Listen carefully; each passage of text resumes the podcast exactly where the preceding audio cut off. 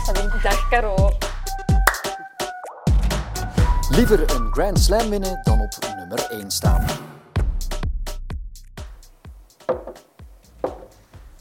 Oh, wauw. Ja, ik denk dat jij dat wel iets beter kunt inschatten, want je hebt veel hoger gestaan natuurlijk. Ja, er zijn natuurlijk een aantal speelsters die nummer 1 hebben gestaan en nooit een Grand Slam hebben gewonnen. En daar vaak op aangesproken worden. Ja. Dus inderdaad, zo ja, één keer dat allerhoogste een Grand Slam winnen. Maar er zijn er natuurlijk vier. De welke kies je dan? Hè? Degene die jouw voorkeur heeft. Langs de andere kant, als je nummer één van de wereld staat, dat wil zeggen dat je een heel jaar door super goed gepresteerd hebt. Het gaat niet over één keer, één week of twee weken dan, in het geval van een Grand Slam, maar wel over een gans jaar. De punten die je over een gans jaar verzamelt. Dus dan vind ik dat wel misschien nog iets meer waarde hebben dan één Grand Slam. Ja, maar ik denk inderdaad wat jij zegt, je wordt daar dan ook wel op afgerekend als je die Grand Slam niet hebt gewonnen. En ik heb zo het idee van iemand die een Grand Slam heeft gewonnen, die wordt veel beter onthouden dan iemand die pakweg, stel je twee weken of zo, maar op nummer één van de wereld gestaan. Zo'n Pliskova bijvoorbeeld, die geen Grand Slam heeft gewonnen, maar wel nummer één van de wereld is geweest. Ik weet niet of die meer onthouden gaat worden dan ja, Emma Raducanu verwacht ik nu wel dat misschien wel nog eens een Grand Slam gaat winnen, maar die één Grand Slam heeft gewonnen en, en, en niet nummer één van de wereld is geweest. Dus ik zou eerder dat voor de legacy, zeg maar. Ja, maar er is ook iets te zeggen voor het andere. Want als je een Grand Slam hebt gewonnen, dan verwacht iedereen wat is nu het volgende Ja. eh, nummer één van de wereld. Ik denk als je, ja, als je jong bent, wat, wat wil je dan? Wil je één keer een Grand Slam willen, winnen of wil je nummer één van Ik de denk dat je wereld het allebei worden? wilt. Ja, sowieso allebei. Maar als ik als eh, zesjarige, toen, het kwam nog niet in mijn hoofd van zover al te denken, op de baan zou gaan staan en ze zouden mij vragen, ja, wat zou het hoogste zijn dat je kan bereiken? Dan zou ik zeggen, nummer één van de wereld zijn. Oké. Ja. Ja, ik zeg het, jij hebt daar dichterbij. Ik ben nooit in de buurt van zoiets geweest. Dus, eh, maar, Maar, mij leek het altijd wel. Als ja. ik kon kiezen, zou ik denk ik toch Ja. eerder die, die Grand Slam pakken. Oké, als we een eh, Grand Slam finale tegen elkaar spelen, Mag jij die winnen? Mag jij nummer één worden? Oké, dank u. Elise Mertens is de beste Belg sinds Kleisters en Inne. Oh la la la. Dat vind ik een heel moeilijke, maar ik ga hem toch hier zetten. Ja, ik ga hem ook hier zetten. Ik ga hem ook hier zetten, omdat we hebben Jan- Janina Wikmaier gehad, die nummer 12 van de wereld is geweest, die halve finale US Open heeft gespeeld. We hebben Kirsten, Kirsten Flipkens, halve finale Wimbledon. halve finale Nummer 13 Wimbledon. zeker? Ja. Hoogste positie. Ja, dus net erachter. Ehm het ligt zo dicht bij elkaar, bij die drie vind ik, dat je moeilijk kan zeggen dat, ze, dat Elise er helemaal bovenuit steekt. Nee, ik denk wel dat ze iets meer regelmaat heeft dan, dan die andere twee, dat wel. Dat is Maar waar. misschien ook iets minder daardoor een uitschieter. Dat is waar. Eh, Janina heeft, eh, toen ze 12 van de wereld was en die halve finale haalde, was eigenlijk een korte periode dat ze echt zo hoog heeft gestaan. En Kirsten Flipkens heeft een super lange carrière en heeft ongelooflijke momenten gehad, maar daar zaten ook vaak één of twee jaar tussen waar ze geen resultaten haalden die er echt bovenuit staken. Ja, zij heeft dan ook wel een dubbelcarrière waar dat je u kan tegenzeggen. Hè. Ehm, dus, maar Ja, dat heeft Elise bijvoorbeeld ook. wel een spel hebben, die, dat haal je er altijd uit of zo. Die heeft zo op dat vlak ook wel weer iets extra's. Maar inderdaad, Elise in het dubbelspel ook natuurlijk gigantisch Ja, goed. voilà. En nummer En één als- van de wereld Ja, geweest. als we Grand dat Slams. meetellen, dat dubbelspel meetellen, dan zou ik eerder eigen naar, naar de eens. Hè? Want als je het he- helemaal bekijkt, de ganse carrière in het enkel en het dubbelspel, dan zou ik zeggen eens. Als we het over het enkelspel hebben, dan vind ik het moeilijk om haar er echt Maar stel, ze zou nu nog een keer halve finale Grand Slam halen. Gaan we dan wel naar de eenskant gaan? Ja, dan wel, denk ik. Dan, Dan heeft ze wel. qua prestaties dat, Ja. dat wel overtroffen. Ja. Eh, ja, het straffen is dat ze alle drie een halve finale hebben gespeeld in een verschillende Grand Slam. Ehm, dus ja, dan moet je naar de ganse carrière gaan kijken, kijken. En die van Elise is nog niet gedaan. Nee. Dus zij kan ons eventueel nog verrassen. En eh, als je deze vraag zou stellen binnen twee of drie jaar, dan gaan we misschien heel, Ja. veel sneller naar eens gaan. Ja, klopt. Daniel Medvedev is de beste ATP-speler van het moment. Medvedev, de beste ATP-speler van dit moment. Ehm, wow! Nu, hè? Nu, echt nu, deze... Ja, maar nu, vandaag of wat? Morgen? Ik, laat ik... Nee. Uiteraard, ja, Djokovic natuurlijk, hè? Ja, U- uiteraard, daar ben ik het mee eens. Maar ik wil maar zeggen, hij heeft nu drie weken op een rij een toernooi gewonnen. Djokovic verslagen in die week ook. Dus zeg maar vandaag even wel. We over het hele jaar absoluut niet. Maar Ja. ik vind wel op basis van wat hij de afgelopen weken gedaan heeft, ook weer in dat hoofd van Djokovic precies is kunnen kruipen na een hele tijd weer verloren van hem te hebben. Want dan hebben ze die US Open finale tegen elkaar gespeeld, Ja. hè, waar uh, Medvedev ervoor zorgde dat hij ze niet alle vier op een jaar won. Daarna wint Djokovic eigenlijk continu van hem. Oké. Ik ga iets minder uit. Oké. I- Jij bent mij aan het overtuigen, dus ik schuif op naar minder scherp. Ja. Ja, ehm, nee, goed. En dan heeft hij daarna een paar keer van Djokovic verloren. Hij is eigenlijk helemaal weg geweest, vind ik, bij wijze van spreken, toen hij die Australian Open finale verloor tegen Ja. Nadal. Hè, Ja. En eigenlijk weggaf, bij wijze van spreken. Niet meer dezelfde geweest.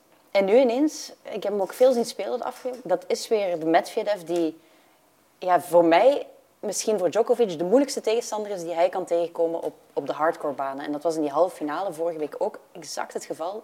Djokovic, denk bijna 40 unforced errors gemaakt, ongezien wat hij aan het doen was. En dat is begonnen in eh, de week voor Rotterdam, denk ik. Of tijdens Rotterdam, een, een van die twee. Maar dat, dat, hij, hij staat er echt gewoon helemaal terug. En ja, je ziet gewoon dat als iemand van Djokovic kan winnen, dat, dat hij dat is. Ja, dat is eigenlijk wel heel straf, hè? want na Australian Open had hij zo weinig vertrouwen. Ja. En dan op een paar weken tijd heeft hij dat terug helemaal opgebouwd. Soms hebben spelers die momenten eens een keer nodig om, om terug beter te worden. En dat is bij Medvedev nu wel het geval. Ja, inderdaad, je hebt gelijk hè, als je naar die resultaten kijkt. Nu, technisch vind ik het geen mooie speler. Nee, ik weet dat dat is dat zo los onorthodox. Ik snap Ja. niet hoe dat kan werken. Maar Ja. het werkt wel. Dat staat natuurlijk los van zijn resultaten en van wie hij is. Ik vind hem ook... eh, ja, ik, op zich is het ook wel verfrissend op die manier, want eh, hij toont ook dat je hè, met een ander soort techniek en een ander soort tennis toch ongelooflijk ver kan geraken. Dus op zich is het dat wel verfrissend. Ehm, maar goed, ja, voor mij is Djokovic, als je dan kijkt naar de Grand Slams en de momenten dat er echt toe doen in een jaar, ehm, ja, dan, dan moet ik hem er nog altijd boven zetten. Als je spreekt inderdaad over op dit moment, de laatste weken, ja, dan heeft Maar ik ben het er inderdaad wel helemaal Ja. mee eens van Toekoer, Djokovic natuurlijk de Ja. beste speler van het moment. Hè. Maar Ja. gewoon nu, zeg maar vandaag, na wat hij de afgelopen drie weken gedaan heeft, Ja. verdient hij van mij die eens. Oké, maar eh, ja, ik kan daar eh, mee leven. Ja. Alcaraz wordt even succesvol als Federer, Nadal of Djokovic. Alcaraz wordt even succesvol, als de grote... Kan dat nog?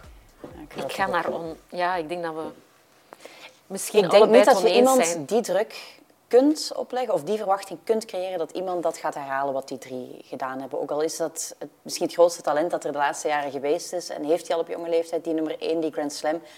Maar doe dat nog maar eens maal twintig, die Grand Slams. En over een heel lange periode, ik wil dat toch nog wel eens zien. Als er iemand is die het op dit moment kan, dan wel Alcaraz, dat denk ik wel. Ja. Maar die verwachting opleggen, dat vind ik toch heel straf. Vind ik ook. En ehm, ja, die drie, het gaat hem over een periode van bijna twintig jaar. Alcaraz staat nog maar in zijn eerste twee jaar hè, aan de top. Dus dat is, eh, dat is bijna onmenselijk om, om zoiets te verwezenlijken. Om dan nog maar eens te doen, nog een generatie die dat gaat doen. Ja, dat, dat, dat lijkt mij gewoon niet, niet meer haalbaar. Nee, nee, ik denk dat ook niet. En het valt ook natuurlijk af te wachten hoe hij gaat reageren. Hij zei zelf al, na dat succes op de US Open heeft hij niet meer helemaal de juiste dingen, dingen gedaan. Raakt daardoor ook geblesseerd, heeft hij dan achteraf toegegeven. Is Ja. nu ja, weer herstellende van een hamstringblessure. Dus dat zijn toch ook factoren die, die gaan meespelen. Als je nu bijvoorbeeld ziet, Nadal speelt geen Indian Wells. Die gaat nu voor het eerst, wat was het, in 900 weken buiten de top 10 vallen. En die is zo vaak geblesseerd geweest, ook nog. Ja, Dat is waanzin toch, om, om dat te verwachten van, van iemand. Om Dat is, eh, Plus, die tilden elkaar ook naar een hoger Ja. niveau. Dat is ook nog te zien. En ik denk, Bij Alcaraz? ja, de periode dat eh, Nadal en Federer begonnen, toen zij op hun top stonden, was het tennis voor mij toch nog iets minder fysiek dan dat het nu is. Als ik nu die spelers zie, de fysieke capaciteiten dat zij hebben, dat zij ook vaker geblesseerd worden, dat verbaast mij niks. Ze trainen veel harder, natuurlijk, maar ze spelen ook veel meer toernooien. Ze spelen niet alleen alle eh, ATP-toernooien, maar ze spelen ook exhibities daarnaast. Ja. Dus ze nemen veel minder momenten voor zichzelf dan, dan dat ze in die tijd nog konden doen, denk ik, twintig jaar geleden. Ja, en dat, dat eh, accumuleert zich in, in, op een bepaald moment van, kijk, het lichaam kan het niet meer aan. Ja.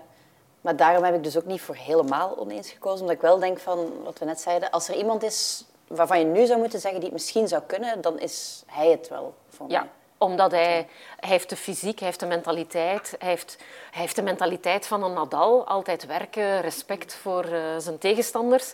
Hij heeft het, het, voetenwerk van een Djokovic. Hij staat overal. Hij is nog sneller misschien als Djokovic.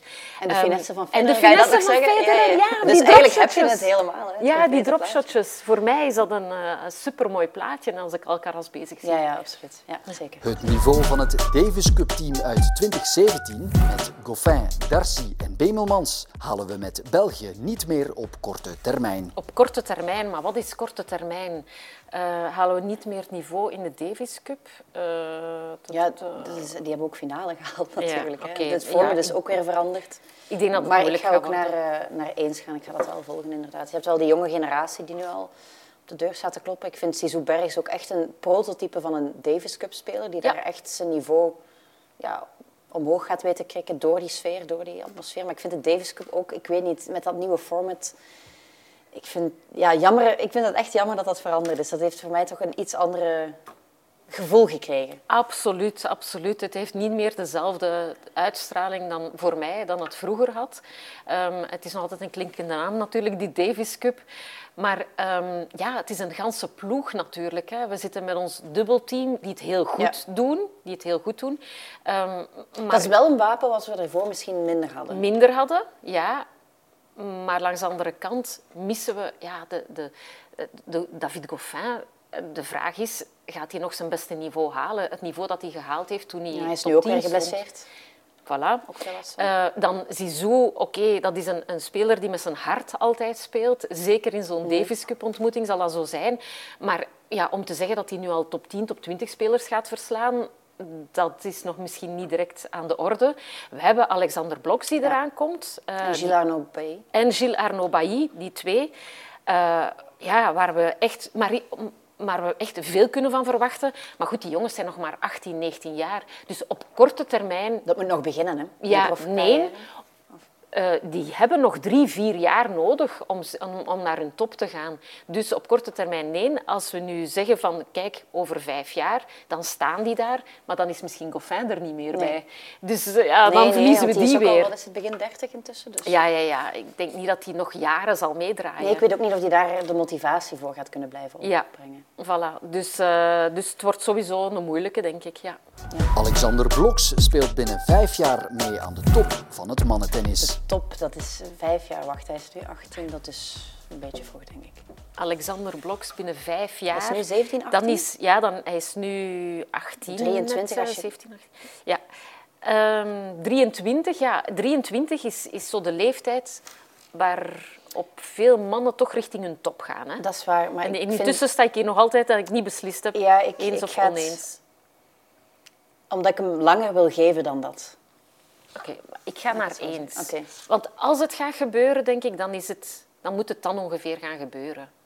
Maar wat verstaan we ook onder top natuurlijk? Is dat uh, top 50 halen? Is dat ja. top 20 halen? Want dat, dat, zijn heel, dat is een heel groot verschil. Ja, dat is waar. Zijn top, hè? Zijn top, ja, over ja. vijf jaar, ja, oké, okay, dat, dat, zeg ik ook. Maar de top van het mannentennis, dat, is dan, dat vind ik dan weer wat anders. Ja. Het is wel iemand met uh, enorm veel kwaliteiten, denk ik, die uh, absoluut een, een topspeler kan worden. Um, en ik denk dat bij de mannen tussen 3 en 25 ja, komen er toch heel veel op, mm -hmm. hun, op hun top. Dus ja, dat zou dan de moment moeten zijn. En dat wil zeggen dat hij nog, nog vijf jaar heeft. Dat is super lang. Hè? Ja. ja, dat is wel waar. Maar ik probeer het soms ook dan te vergelijken met een, met een Zizou bijvoorbeeld, waarvan ik ook niet denk dat hij zijn top al bereikt heeft. Nee. Maar die is wel op die leeftijd ook. Ja. Dus... Maar, maar die is wel geblesseerd geweest ook lang tussendoor. Ja, als we dan eens gaan kijken naar andere absolute toppers. Hoe oud, hoe, hoe oud waren zij als zij um, maar zeg eens namen, die top haalden? Ja, we, misschien moeten we het niet hebben over de generatie Nadal, Federer en, nee, en Djokovic, want die waren 18 en 19 ja. jaar, zoiets. Maar dan de generatie Medvedev nu, um, Tsitsipas. Tsitsipas was ook jong, hè? dat zijn allemaal ja. next-gen spelers. Hè? Dat zijn allemaal spelers... Medvedev nog iets minder dan, dan Tsitsipas, die was iets later. Hè? Maar ja, uiteindelijk ook wel nummer 1 van de wereld geweest, Grand Slam gewonnen. Dus. Ja, dus allemaal toch begin 20, hè? Ja. Zoiets. Ja, ja. Ik, zeg, ik, ik, wil hem gewoon iets meer tijd geven om, om, maar dat om is, daar dat te is geraken. heel tof van jou. Dat zal hij zelf misschien graag horen, want ik weet dat die spelers heel veel druk ervaren. Ja. Dus als zij wat meer tijd hebben, dan eh, is dat wat Maar chiller. ik zou het geweldig vinden als, eh, als dit klopt. Hè. Als die eens klopt, dan uh, Ja. dat, zou, dat zou super zijn voor het mannentennis natuurlijk. Om daar Ja. Het is, een, te het hebben. is eh, natuurlijk deels een, een, eh, een stukje als eh, supporter dat ik hier ook denk, denk Ja. ik. Ken je hem Omdat- goed eigenlijk? Eh, Ik ken hem een beetje, ja. Ik ken hem een beetje. Ehm, eh, hele rustige kerel. ehm, maar als hij op de baan staat, ja, dan, dan zie je een andere Alexander Bloks. Dus ja, voilà, we zullen zien. Hè. We En zullen in vergelijking met een Gilles Arnaud? Gilles Arnaud is, is trouwens ook een heel eh, integere kerel, eh, eerder verlegen kerel. Maar ook iemand, als die op de baan staat, die vanaf het eerste Ja. punt de vuist maakt, die niet zich laat imponeren door zijn tegenstanders en die mentaal ongelooflijk sterk is. Ja. Dus dat is zijn grote voordeel en dat is een groot voordeel, denk ik, in het Het is tennis. wel opgevend dat we die twee nu... Ja. misschien ja, Misschien kunnen komt- die elkaar zo naar, naar de top Ja. stuwen. Zo. Dat zou Ja. supermooi zijn, zo'n Ja. verhaal. Ja, Ja. stel je voor. Nadal speelt nog steeds op top 10 niveau. Nadal speelt nog steeds op top 10 niveau. Ehm, Ja, ik ga, ik ga dat zelfs hier zetten. Ja? ja. bon, ik ga Op hier- helemaal eens zetten. Ja, niet altijd, hè? Niet altijd, Nee. maar wel op de belangrijke momenten. Ja, dat denk ik ook. En die wordt zo vaak afgeschreven. Nu gegarandeerd weer in de aanloop naar het gravelseizoen. Gaat misschien ook wel, ik weet niet wat hij gaat spelen, dat is ook nog niet duidelijk. Of hij voorbereidingstoernooien kan spelen. Maar Roland Garros, ik denk nog altijd dat hij daar gaat staan. Dat hij grote kans maakt om die vijftiende te winnen. Misschien het afscheid, maar vorig jaar weet ik nog dat ik... eh, ik moest daar een verslag van maken van de, van de finale. En dat ik maar bleef luisteren en een beetje bang was van dat hij ging zeggen toen hij de veertiende won. Nu is het goed geweest. Ehm, dat, dat blijf ik wel elk jaar een beetje bij hem hebben. Je, daar zit een limiet op, bij hem ook. En we denken al heel vaak dat hij die bereikt heeft, maar het gaat toch maar door en door en door. Ja. Dus ik denk als hij terug begint, dat, eh, en zeker op zijn geliefkoosde gravel gaat dat zijn, ik denk dat het heel slim is dat hij nu niet speelt. Eh, want op hardcourt, snellere banen, dan misschien inderdaad Dat zegt hij zelf ook. Hè? Hij zegt zelf ook van ik heb die snelheid precies niet meer Ja. op hardcourt. Ja. Ja. En die heeft eh, ja, fysiek ook zoveel meegemaakt natuurlijk al. En je merkt ook wel, vind ik, aan hem dat, dat hij het mentaal vermoeiender begint te vinden. Dat spreekt hij nu ook meer uit, vind ik. Maar ehm, nee, ik denk één keer dat hij terugkomt, dat, eh, dat hij er toch weer gaat staan. Of dat hij nog één laatste kunststukje wil gaan doen op Roland. 15 zou een fantastisch aantal zijn Ja. ook om mee af te sluiten. Hè. Wel, da- daar ben ik het helemaal mee eens. eh, met die 15, dat dat mooi zou zijn om af te sluiten. En ik herinner mij een jaar of zes, zeven geleden ehm, dat er toen al gezegd werd, als hij toen niet Roland Garros had gewonnen, dat hij er ging mee stoppen. Maar dat is al zes, zeven jaar geleden. Ja. Stel je Zot, voor. hè? Stel Ja, je voor. En nu is hij er nog altijd. En, en als je ook hoort dat die, die spelers, en hij niet alleen, Nadal, maar ook Djokovic, dat die Grand Slams winnen met een blessure. Ja, Want zo is Ja, het. ja. Hè. Vorig jaar won hij de Australian Open met een voetblessure. Eh, Djokovic nu hè, met die, Djokovic eh, nu met die, scheur. ham, ja, die hamstringblessure. Dus dan, dan, dan heb je zoiets van, oké, die hebben nog, nog reserve of zo. Die hebben nog marge als die eh, dat kunnen. Ja, en ik denk dat het mentale overwicht dat die het nog altijd zullen hebben, ook op die andere generatie, dat dat toch ook zeker niet te onderschatten is. Om tegen die mannen uit te komen, ook al zijn ze niet meer op de top van hun kunnen, dat blijft toch, die blijven zo'n aura uitstralen. Dat is, dat is ongelooflijk. Ja. Dus nee, voor mij, wel, top, hij gaat de top 10 uitvallen, dus qua ranking is, is hij het niet meer, maar ja. En dat gaat met Djokovic, ook al is die naar, meer naar het einde van zijn carrière, nu nog niet, denk ik, die gaat nog wel langer door. Maar als dat, dat blijft zo, die, ja, die zijn te goed, denk ik. Ja, en ik zie die ook niet meer spelen op het circuit als ze niet het gevoel hebben dat ze tegen iedereen kunnen winnen. Nee.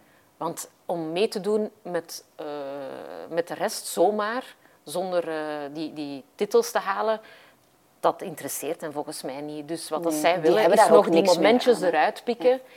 En, eh, Nu, ik vind wel ja. altijd, Djokovic is veel gemotiveerder wat betreft nog Grand Slams winnen dan Nadal. Of die, nee, wacht, misschien zeg ik, die spreekt dat veel meer uit altijd. Dat dat zijn grote drijfveer nog is. En bij Nadal is het altijd, ik speel het nog te graag, ik doe het nog te graag. En zolang ik dat niet meer heb, dat ik er niet meer voor wil werken, dan stopt het voor mij. Ja, dat heeft hij altijd wel een beetje gehad. Ja. Hè? Altijd eh, heel eh, eh, erg eh, ga met respect naar de tegenstanders toe. Van kijk, ehm, ja, misschien soms te veel, dacht ik wel. Maar uiteindelijk in resultaten blijkt dat hij, uh, dat hij het op een goede manier aangepakt Ja, ja, heeft. Ja. Zeker.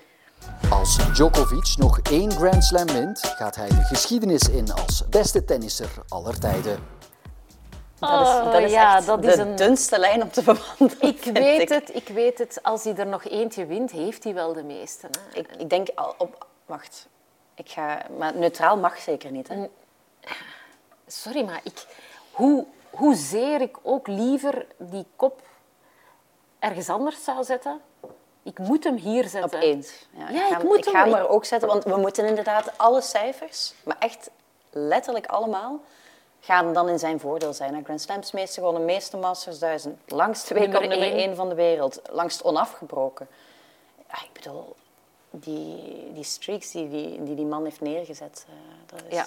Dus ik denk eigenlijk zijn we vooral nog- als hij nog één keer extra misschien ook Roland Garros kan winnen, Ja, denk ik. ja, Dan heeft hij er daar drie zeker ook. Want hij heeft er zo op allemaal al minstens twee, als hij er Ja. daar drie kan hebben. ja.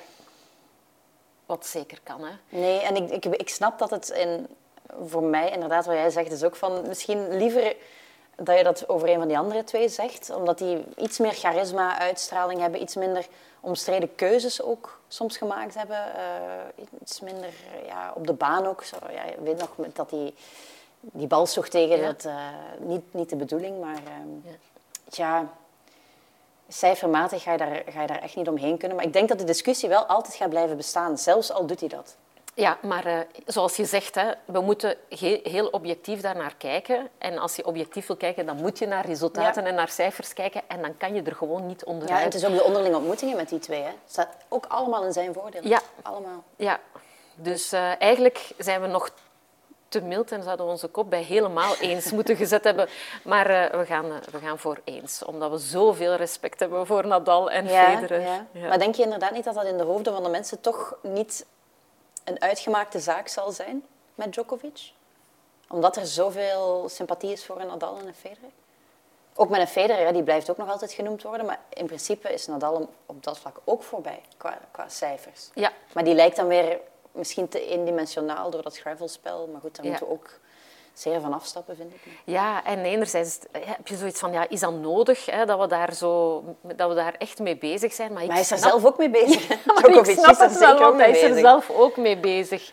En ja, weet je, als sportman, als zo'n grote sportman, dan wil je gewoon de geschiedenis ingaan als de beste ooit. Allee, dat, is, dat is fenomenaal. Dat is belangrijk voor die mannen. Die doen het ook niet alleen eh, voor elk resultaatje apart, maar ook om in de geschiedenisboeken te staan. En eh, dat deed Serena Williams bijvoorbeeld ook. Hè. Dat heeft haar lang bezig gehouden. Dus Ja, daarom is zij ook zo lang blijven Ja. doorgaan. Hè. Als dat eerder gebeurd was, zeg maar, als ze dat gehaald had, dan was hij misschien ook al ja, eerder gestopt. dus daar is Djokovic ongetwijfeld ook mee bezig. Maar ik denk ook dat dat gaat gebeuren. En dat gaat gebeuren. Hij gaat zeker nog voor mij minimum twee, drie jaar door, Ja. denk ik dan. Ja. En als hij zo fit blijft, ik zeg zo fit blijft als hij nu is, die pas die blessure gehad, maar wel de Australian Open nog gewonnen. Hij heeft Australian Open gewonnen. Hij mag nu niet eh, aantreden, maar dat gaat hem alleen maar weer meer honger doen krijgen om het goed te doen in de, de weken die eraan komen en de toernooien die hij dan wel weer mag spelen. Ja. ja. Ik denk dat Roland Garros nog de moeilijkste zal zijn, om die dan nu erbij te pakken. Maar eens dat we weer bij Wimbledon zijn. En US Open heeft hij ook om een of andere... Ik snap dat nooit, maar dat ligt hem ook minder om een of andere reden. Maar dat snap ik eigenlijk niet zo goed waar- waarom dat zo is. Ja, dat weet Dat, ik ook niet. ja, dat is- als je kijkt naar welke die de minste gewonnen heeft, dan Ja. is dat US Open en Roland Garros. Roland Garros is door Nadal. US Open vind ik dan... Ja, eigenlijk past dat toch ook perfect bij zijn spel. Ja, enerzijds past het perfect bij zijn spel. Anderzijds, het is zo druk, zo rumoerig. Zo... Ja, misschien daar Het is wel iemand die graag in zijn bubbel te blijft. laten doen. Ja. Ik weet het niet. Oké, ja, dat is Gewoon een observatie. Oké. Iga Swiatek gaat dit jaar terug domineren. Of ze dit jaar opnieuw gaat domineren. Ja. Ik ga Swiatek. Ja, Iga Ja. Swiatek Ja, gaat. ja. Ik ga dat zelfs ook Ja, helemaal ik niet ook. zetten. Ja. Ja, wij zijn daar precies allebei vrij zeker van. ja, ik ben ook wel fan, moet ik zeggen, van, eh van Swiatek. Dat is geweldig. Ik vind eh, bij Swiatek het zo straf hoe die haar tegenstanders compleet belachelijk maakt. En dat is een heel straf woord, maar zo is het wel. Hè. Als je gaat kijken naar die setstanden waarmee die wint, 6-1, 6-0. 6-0, 6-3 of zo. Dus een 6-0 zit daar zo vaak tussen, een 6-1 zit daar eh, zo vaak tussen. Ken je de website ehm, Iga's Bakery, toevallig. Nee, die ken ik niet. Moet eigenlijk eens opzoeken. Dat Ja? is echt geniaal. Of ja, ik zie er de humor wel van in. Dus het is een website, eh ja, Iga's Bakkerij Ja. heet die dan. En ja, in het tennis een 6-0, dat is een bagel. Een 6-1, een breadstick. Hè, Ja. dat dan. Dus iemand heeft jaren geleden al, want blijkbaar deed ze dat toen ook al, een website opgericht, Iga's Bakery, waarin eh, bijgehouden wordt wanneer dat allemaal gebeurt, een bagel en een, eh, en een breadstick. Dus dan staat er echt een foto gefotoshopt van Schwiontek in zo'n bakkersmuts en zo, dat hij bagels aan het uitdelen is. En dan ook vaste klanten, hè, bij, bij wie ze dat het meeste doet. Zo'n Pliskova staat daar volgens mij ook tussen bijvoorbeeld. Dus dat vind ik ja, ik vond dat heel grappig, maar ik vind het ook zo straf, want zo opvallend is het ook dat dat, dat, dat gebeurt, dat mensen dat zien, dat daar een website voor wordt opgericht. En ja, die dominantie die zij heeft, eh, vind ik toch ook wel straf, omdat we het al hadden over geen constante in het vrouwentennis. Iedereen kan een beetje winnen, maar als er één constante wel is, dan is dat toch voor mij wel Swiatek. Ja, dat is ook zo. Ik denk dat we haar mogen plaatsen eh, qua dominantie bij eh, Serena Williams, die op een bepaald moment het tennis eh, domineerde. Daarvoor Steffi Graaf. Ze heeft dat vorig jaar ook gehad, hè, die winstreak. Ik ben vergeten hoeveel het exact was, maar dat hij zoveel wedstrijden op een rij won, verbeterde dan records daarmee ook. Ja. Dus. En waarom is dat zo? Omdat ze ja, qua basis zo goed tennis dat zelfs als ze een dag minder goed is, dat ze nog altijd gaat winnen tegen de meeste speelsters. Ze is ja, technisch eh, fantastisch, eh, kracht, slaat zo hard. Ja, vind slaat je haar technisch helemaal fantastisch? Wel, ik vind die ja, het is een beetje echt- raar, hè? Ja, Ja. Het is, ja, maar het werkt ongelooflijk goed. Hè? Ja. Ja. die forehandgreep is vrij extreem, maar als je ziet hoeveel spin zij genereert Ja. en hoe zij die hoeken kan trekken.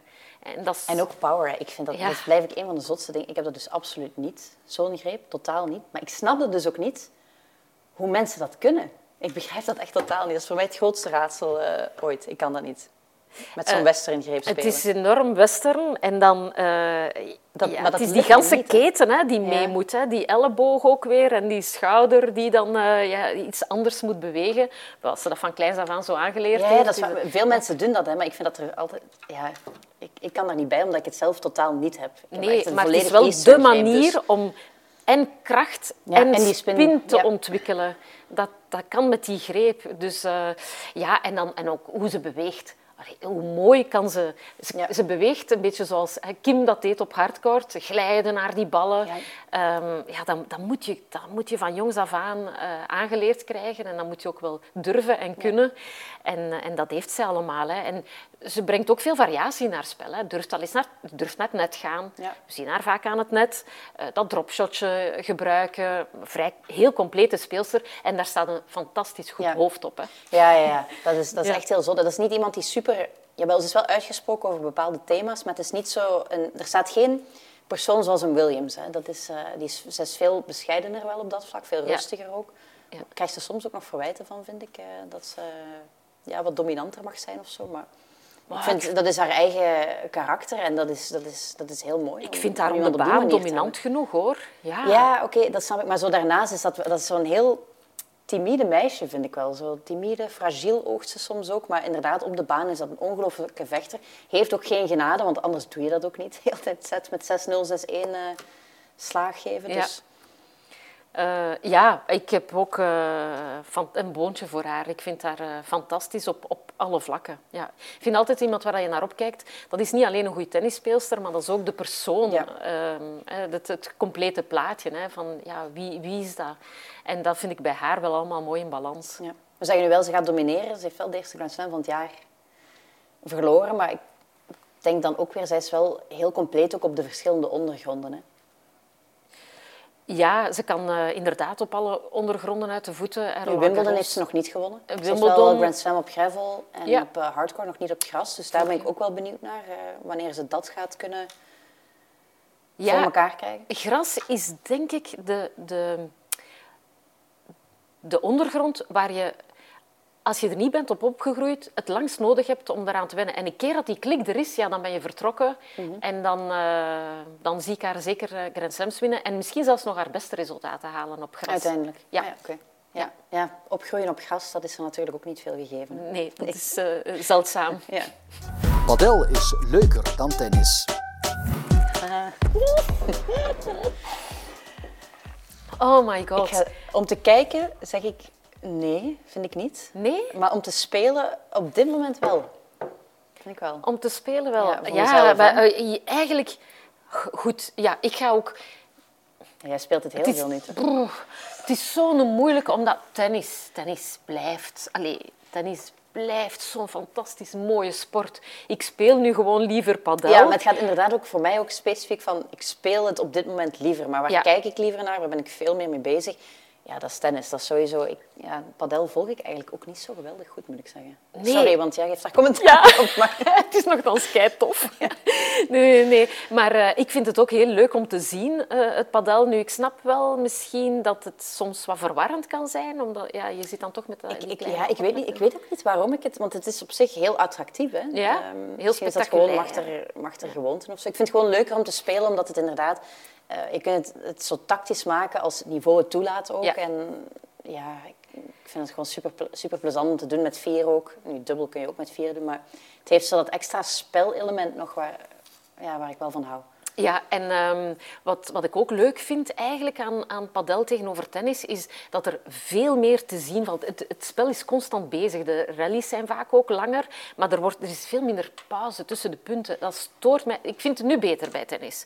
Maar op een bepaald moment stoorde mij dat echt, dat een speler... Toen de shotklok er nog niet was. Ja, na ieder punt die handdoek ging gaan halen, hè, waar Nadal het heel moeilijk Mhm. Ja. mee heeft, dat hij nu sneller moet spelen. Maar voor, voor eh, het spellen, om naar te kijken, is dat, als kijker is dat veel leuker. Als het, als Ja, maar ik vind het er wel veel minder intensief uitzien op, als ik het bekijk op tv. Maar dat is ook omdat die zich geweldig goed weten te positioneren. Die kunnen super inschatten waar die ballen komen. Eh, komt die terug tegen het glas, die staan al voor aan het net. Dus zo het, ik vind het fysieke aspect lijkt groter.